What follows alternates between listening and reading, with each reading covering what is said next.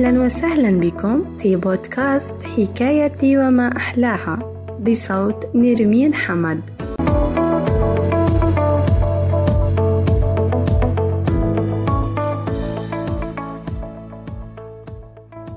يحكى إن فأرا قال للأسد في ثقة اسمح لي أيها الأسد أن أتكلم وأعطني الأمان.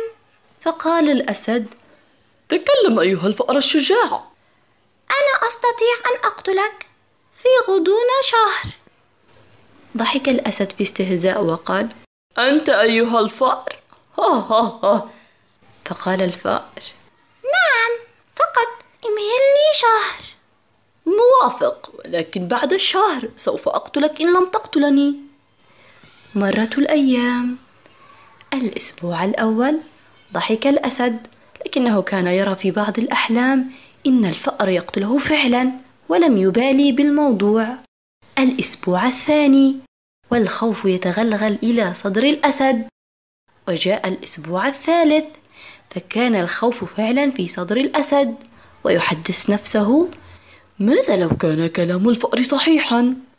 الأسبوع الرابع فقد كان الأسد مرعوبا. وفي اليوم المرتقب دخلت الحيوانات مع الفأر على الأسد. وكم كانت المفاجأة كبيرة. لما رأوا الأسد جثة هامدة. قد علم الفأر أن انتظار المصائب هو أقصى شيء على النفس.